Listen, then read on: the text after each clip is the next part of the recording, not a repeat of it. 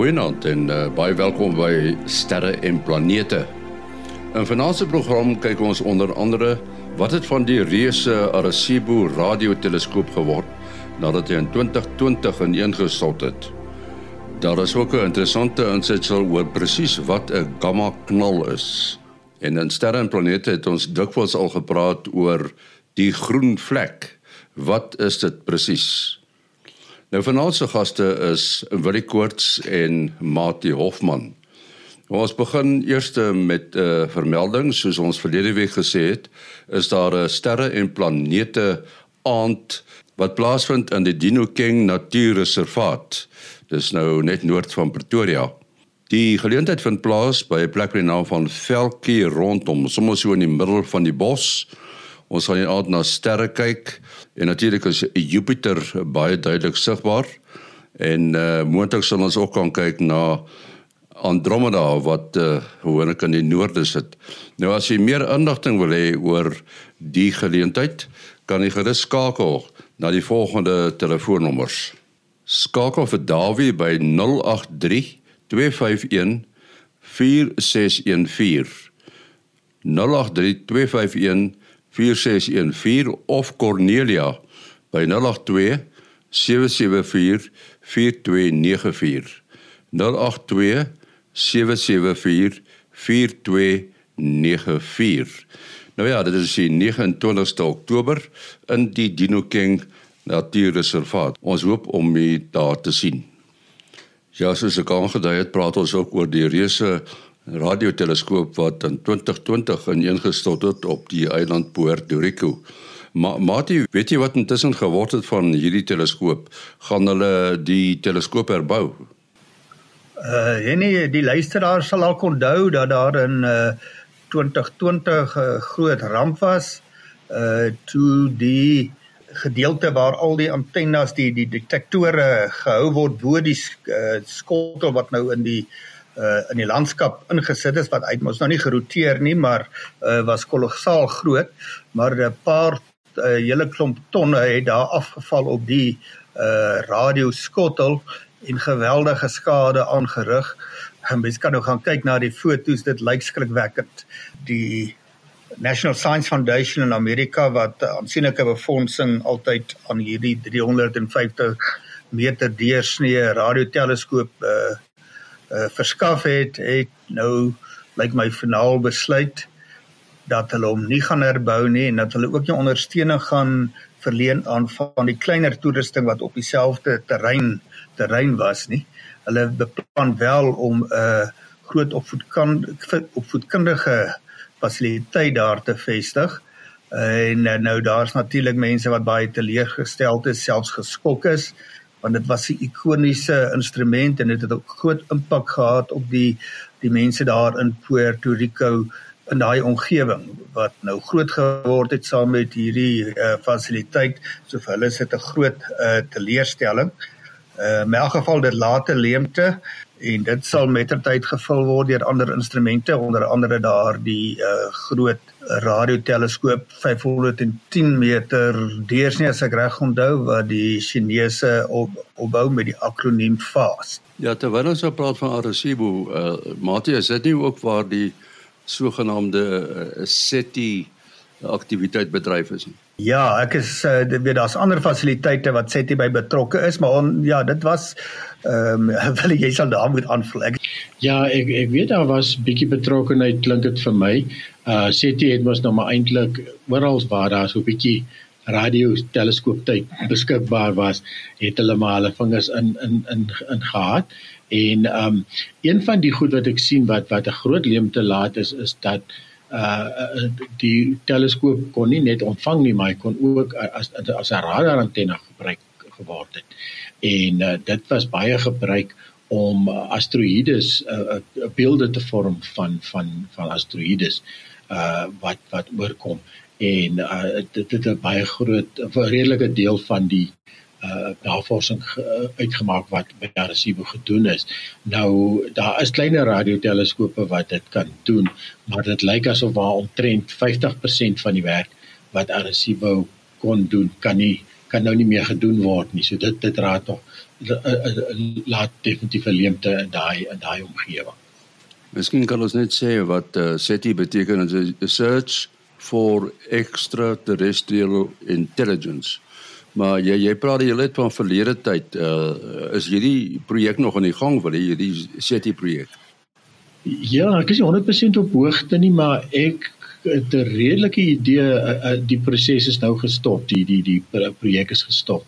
Ehm um, soos jy sê dit was dit was om om lewe in die buitenste ruimte te of vorms van lewe, tekens van wat wat enige moontlike lewe daar buite kon uh, uitsaai in die, in die radio uh, domein en daar was mos op 'n kolvreeslik opgewondenheid dat dit gelyk het asof daar is syne is wat wat sin maak en um, ek kan eers mee onthou wat was die uiteinde nie maar dit was toe uiteindelik bepaal dit was nie um, syne van van van 'n buiteruimtelike af afkoms nie. Ehm um, so sover ek weet in die hele leeftyd van die projek wat ek dink hier na by die 20 jaar geloop het, um, was daar nooit nooit enige enige syne ontvang nie. So uh, daar's mos altyd hierdie grappie wat wat hulle sê hoe, hoekom wys alle radioteleskope weg van die aarde as hulle soek vir intelligente lewe? So nou ja. ja, net so op ligter trant eh uh, sou die ouens so kon redeneer dat die uh beste aanduiding dat daar intelligente lewe elders as op die aarde is is die feit dat hulle ons nog nie gekontak het nie. ja, ja. Ja, ek het daai ook al gehoor. Uh ons het gehoor van 'n 'n reuse gamma knal wat plaasgevind het. Nou wil ek net eers hoor wat uh, wat is 'n gamma knal Willie en hoekom praat ons van 'n knal? Ja, so uh uh gamma strale is uit die aard van die saak ehm um, die hele ons het al baie gepraat van die hele elektromagnetiese spektrum ons het nou juist gepraat van die radio spektrum dan het ons nou op Sutherland het ons nou almal uh, opties en infrarooi uh, of naby infrarooi teleskope wat uh, wat ons uh, syne mee, mee optel. Die SKA is eintlik ook 'n radioteleskoop en dan as jy in die in die ander deel dele van die elektromagnetiese spektrum wil uh, wil waarneem um, van die goed kan jy natuurlik nie eers van die aarde af doen nie want die atmosfeer sny dit af. Nou ja gamma gamma strale word uitgestraal deur ongelooflike energieke goed wat in die ruimte gebeur. So uh, dit is baie maal 'n supernova wat wat wat uh, ontplof. Ehm um, dit is wanneer uh, uh, uh, neutronsterre met mekaar uh, opgevorm word in die een kant wanneer wanneer die wanneer 'n ster in in homself in intuimel en en dan gamma strale uitgee wanneer die ehm um, wat twee neutronsterre uh, um, saamsmelt wat ons ruk gesien het met die met die uh, LIGO uh, detectors wat nou op vir ons 'n hele nuwe wat gravitasiegolwe ook uitsaai maar onder andere is daar ook uh, gamma strale wat wat uitgestraal word. En die en die die knalgedeelte is dit is gewoonlik baie baie kort lewe wat die wat jy hierdie geweldige uh, energieke uitstraling het. Ek meen hierdie hierdie is dit is tipies in 1 sekonde sal sal dit meer energie uitsit as wat die as wat ons son in 10 miljard jaar sal uitsit 10000 miljoen jaar. Ehm um, so dis ongelooflik hoe hoeveelhede energie. Ja, so hierdie een wat hulle nou hier waargeneem het uh, is is uh, op die 9de Oktober gewees en net interessant genoeg met die verbintenis van Sutherland ons het um, alle keer of wat op die program gepraat van die Prime teleskoop waarby ek ook betrokke was en um ek het nou destyds help die koepel bou en die teleskoop was nou eendag geïnstalleer en intussen het die Amerikaners uh van Goddard Space Center uh wat die kamera voorsien het.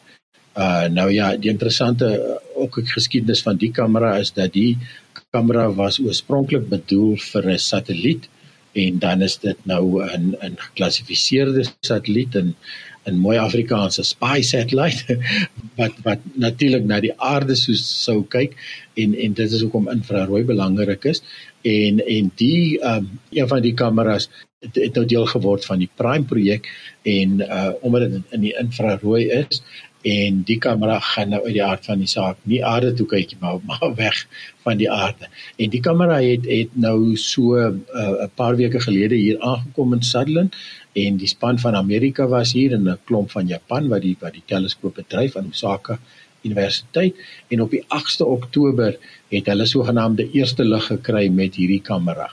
En op die 9de Oktober soos ek nou gesê het, het hierdie groot kamerai uh, uh, uitstraling gebeur en daar is natuurlik alhoewel dit baie kort lewe is kry jy 'n soort van 'n wat noem hulle nagloed um en dit is natuurlik nou nog alles goed wat jy kan bestudeer en tipies is infrarooi teleskope baie baie goed toegerus daarvoor.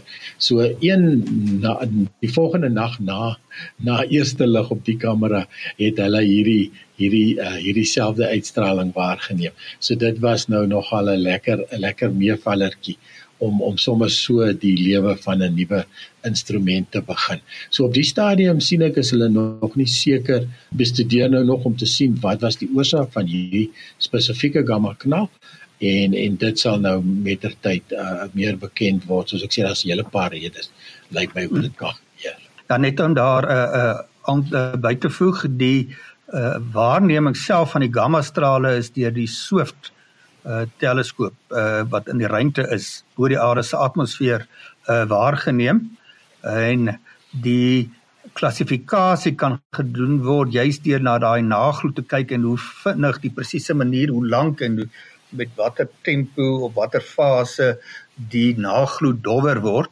En uh, gewoonlik uh, val dit dan in een van drie uh, kategorieë of uh, twee neutronsterre uh, wat gebots het of dit kan 'n superkragtige supernova wees of selfs 'n hypernova. Nou die tipe supernovas wat uh, die soort van energie sou kon vrystel, vrystel moet ten minste 8 keer die massa van die van die son wees. Ja, wil jy jy het so gepraat van die gloed. Uh jy jy het my laat dink aan iets wat ons al aangeraak het, die sogenaamde groen flits wat mense soms sien net as die son ondergaan. Mense sien dit eintlik oor die see. Die die groen flits, kan jy onthou wat dit presies is? Uh, ja, ja, so dit is dit is is gloed maar ook nie gloed natuurlik nie. So die die atmosfeer is of kom ek beskryf eers wat wat dit is en en as mense nou volgende keer die sonsondergang gaan ophou. Ehm um, dis gewoonlik die gedeelte wat mens wegkyk en dit is die daai laaste laaste oomblik voor die die laaste randjie van die son verdwyn. Ehm um, kry jy partymal laat dit skielik groen raak en en partymal is dit baie effentjies jy verbeel jy het jy dit gesien of nie en anders sla is dit weer baie baie duidelik. Nou die een manier om te seker te maak dit gebeur nooit is om 'n kamera so toe te mik en te wag te wag daarvoor. Dit is 'n moeilike ding om af te neem. My vriend Johan Leroux uh, uh in in in die Kelders het ons het een aand het ons ek dink dit was die eerste keer toe hy dit gesien het het het, het oor die hawe gou gou gekyk was koud ons het eintlik al die die familie daar by die restaurant gesit en vir ons gewag en ons gou gou die gou gou dit dopgehou en en ek sê toe vir hom kyk dit gou en wow daar sien hy dit en en intussen het hy dit al hoeveel keer probeer afneem en nou die dag het ek op Facebook dit gesien het hy weer 'n mooi ene gekry. Ja, so die die die die rede daarvoor is dat die atmosfeer werk soos 'n prisma en ons weet dat 'n prisma kus um, breek mos nou wit lig op in sy reënboogkleure en en so jy kry ook nou nie al die kleure nie want die probleem is die het 'n klomp atmosfeer daar wat atmosfeer waardeur jy kyk. So dit is net die golflengtes wat hierdie lang pad deur die atmosfeer kan maak wat by jou oor wat jou oë uitkom en dis natuurlik die langer golflengtes en dis die rooi lig en dis hoekom 'n sonsondergang en 'n opkoms natuurlik tipies rooi is. As da, as die omstandighede dan reg is, dan kan jy van hierdie ander kleure ook sien. En en daar is tot selfs 'n blou flits, maar dit is baie baie rar. En jy sien dit wel met met sonsopkoms ook. Eilik is dit makliker met sonsopkoms, maar dan moet jy presies weet waar die son gaan opkom om om dit te sien. So dan begin die son so beskielik met 'n groen stukkie en dan en dan kom die geel uh, skuif van die son oor die horison op. Daar's ook 'n interessante berig. Uh julle sal onthou ons het so ruk gelede gepraat oor die uh, Dragonfly uh onderneming daar in Stellenbosch met uh, Rico Skronje gepraat oor daai kamera uh toe hulle met die daadprojek teen die uh, asteroïde gebots het. Maar nou sien ek hierdie ouens, dis nou Dragonfly, uh die uh werk nou saam met uh SpaceX en uh hulle gaan een of ander uh projek aanpak om vochtigheid op die aarde te bestudeer. Mati, weet jy iets meer daarvan? Uh nee, ja, hierdie is 'n uh, is 'n mooi storie. Uh die eerste van sewe beplande satelliete en hierdie een se naam is dan EOS Sat 1 uh gaan in Desember dan nou deur uh SpaceX gelanseer word. So Elon Musk kom daar van Suid-Afrika af en hier's nou sewe satelliete wat hier gaan gebou word. Al die eerste ene is nou reeds voltooi en dink ek wat uh baie toepaslik is vir ons is dit die die fokus van hierdie satelliete wat dan 'n konstellasie van satelliete gaan vorm is uh, dan landboukundig. Hulle gaan spesifiek kyk na die na die bosbou en die uh, plantasies en so aan. Hulle uh, deur die instrument daarop wat basies multispektrale uh, beelde gaan vorm, so hulle kan in verskillende golflengtes uh fotos neem sal kan inligting verskaf oor die oor die vochtigheid, oor die biomassa waar hy weer afgeleidings gemaak kom oor die uh Eh, die die landboukundige uh, produksie en seker dan oeskattinge. Uh so dis 'n baie belangrike uh, toepassing en uh jy het nou die naam van die maatskappy Dragonfly uh, Dragon uh Fly ge, uh, gehoor en daar's 'n instrument uh wat nou in die optika uh, optiese beelde vorm maar met inligting oor die die golflengtes wat weerkaats word en heel toepaslik word dan die Dragon Eye genoem. So die Dragonfly het 'n Dragon Eye en uh so dit sal 'n goeie ontwikkeling wees om oor die volgende seker uh bietjie meer as 2 jaar uh dop te hou. So ek is presies seker van die skedule waarmee hulle hierdie sewe satelliete in die ruimte wil plaas. Ja, hierdie ding herinner my nogal aan aan wat Japie gepraat het, né? Nee, hulle na sy aftrede by by by JPL het hulle mos ingegaan in 'n in 'n maatskappy waar hulle iets soortgelyks wou gedoen het en uh, sy spesialiteit was mos nou maar radar so ek dink daar sou radar ook bygekom het en dan nou ook uh, optiese um, in verskillende golflengtes ek dink Japie hulle se idee was om genoeg satelliete daar te kry dat jy ek dink ek gesê elke 2 elke 2 of 3 dae kan jy dit herhaal die die dieselfde metings so Ehm um, dit is sal interessant wees om te hoor of Japie hulle se stelsel nog aan die gang is na nadat hy weggeval het en en uh en hoe dit inskakel moet hier ja dit dit is nogal 'n interessante projek. Ja, net uh, nog 'n uh, interessante opmerking oor die projek. Uh ons het nou verwys na EOSat 1. Uh nou in 2015 het 'n uh, uh, bekende uh entrepreneur van die Oekraïne Nou wel, ek het nie geweet van hom nie, maar ek beweeg nou nie in daai kringe nie. Uh, Max Polaikov, as ek dit nou reg uitspeel, het uh EOS Data Analytics uh gestig en hy is dan ook een van die mede-stigters van uh Dragonfly Aerospace. Goed, ons kyk net na uh luisteraars wie vir Dewald de Tooi. Uh hy sê dat uh, ons onlangs gepraat het oor die slingervel metode om ruimtetuie te versnel En dit is iets wat ons uh, eintlik al baie oor gepraat het.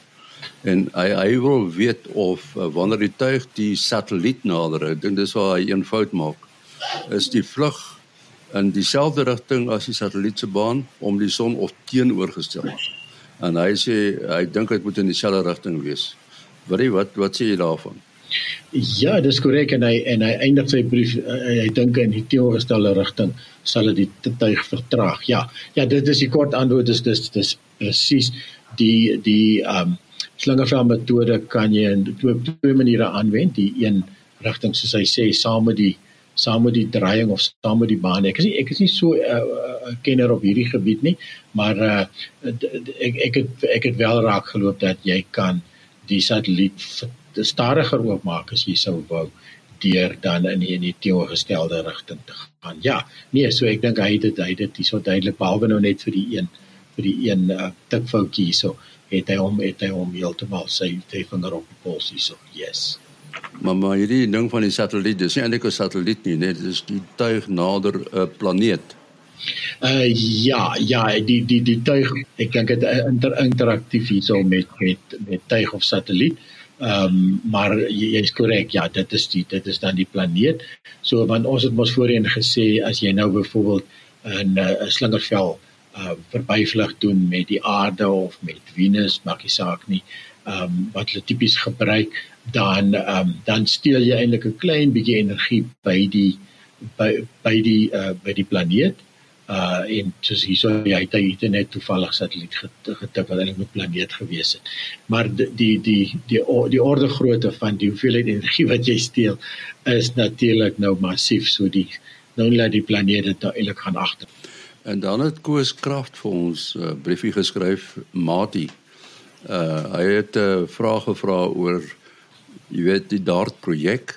Hy hy hy wou weet of hoe klein ook al die dubbel asteroïde se wentelbaan om die son die uh, spoed en of rigting kon verander het want uh hy hy sê die impak het nou sogenaamde momentum oordrag veroorsaak wat relatief klein is en die twee liggame uh, slegs gravitaal gekoppel is moes die gevolg wees dat die die hele stelsel se momentum die invloed van die impak gevoel het. Hy wil weet of sy afleiding reg is.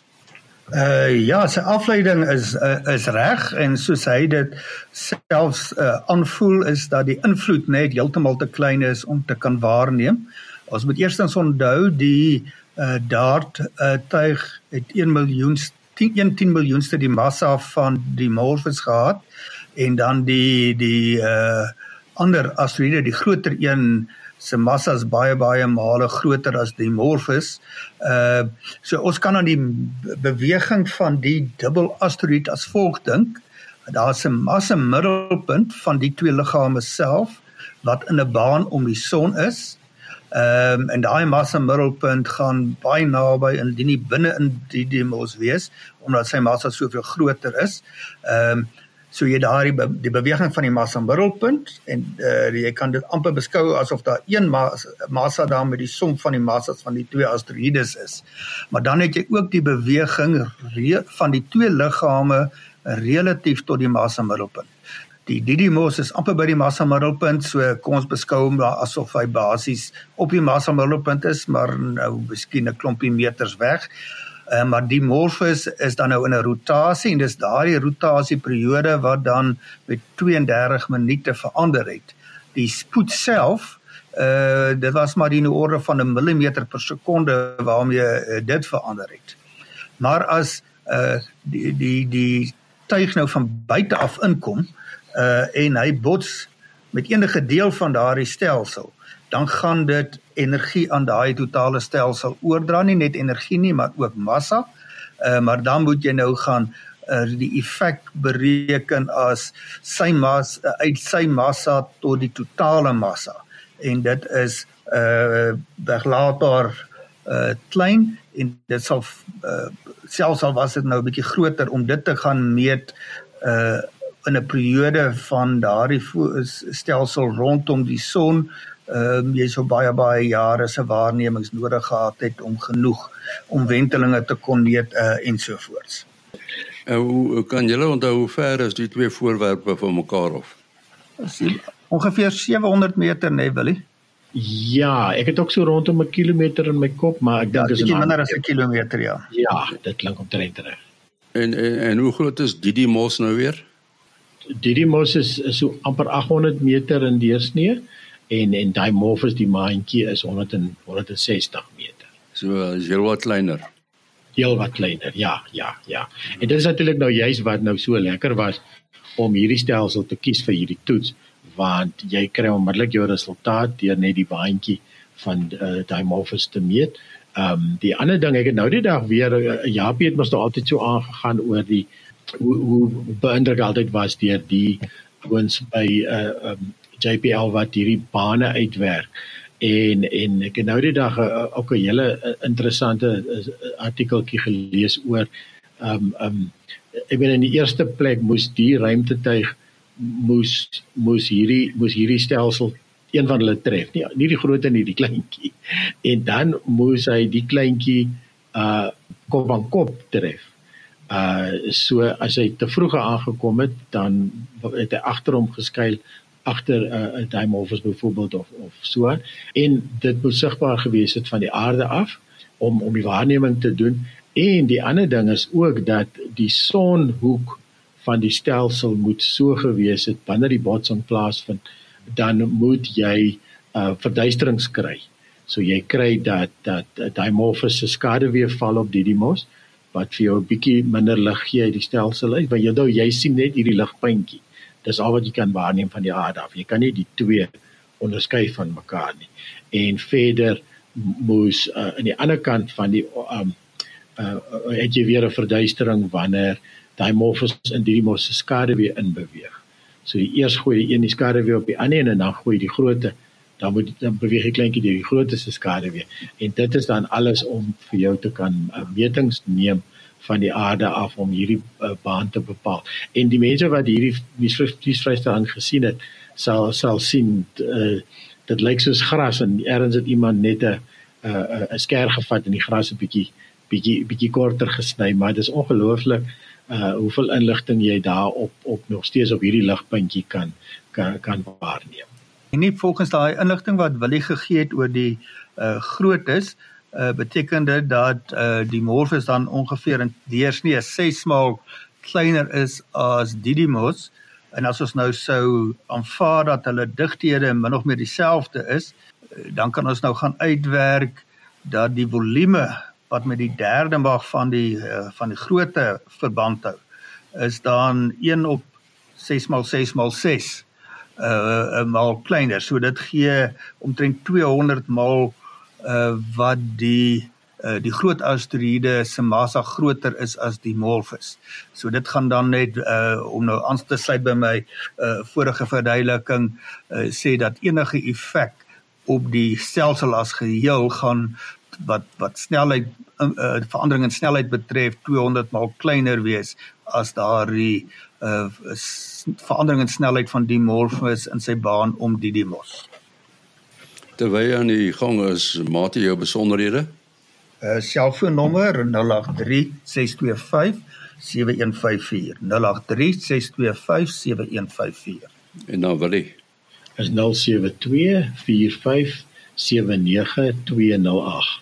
0724579208. En ons program se e-posadres sterreplanete@gmail.com sterreplanete@gmail.com. Ons praat volgende week weer. Tot dan, alles van die beste.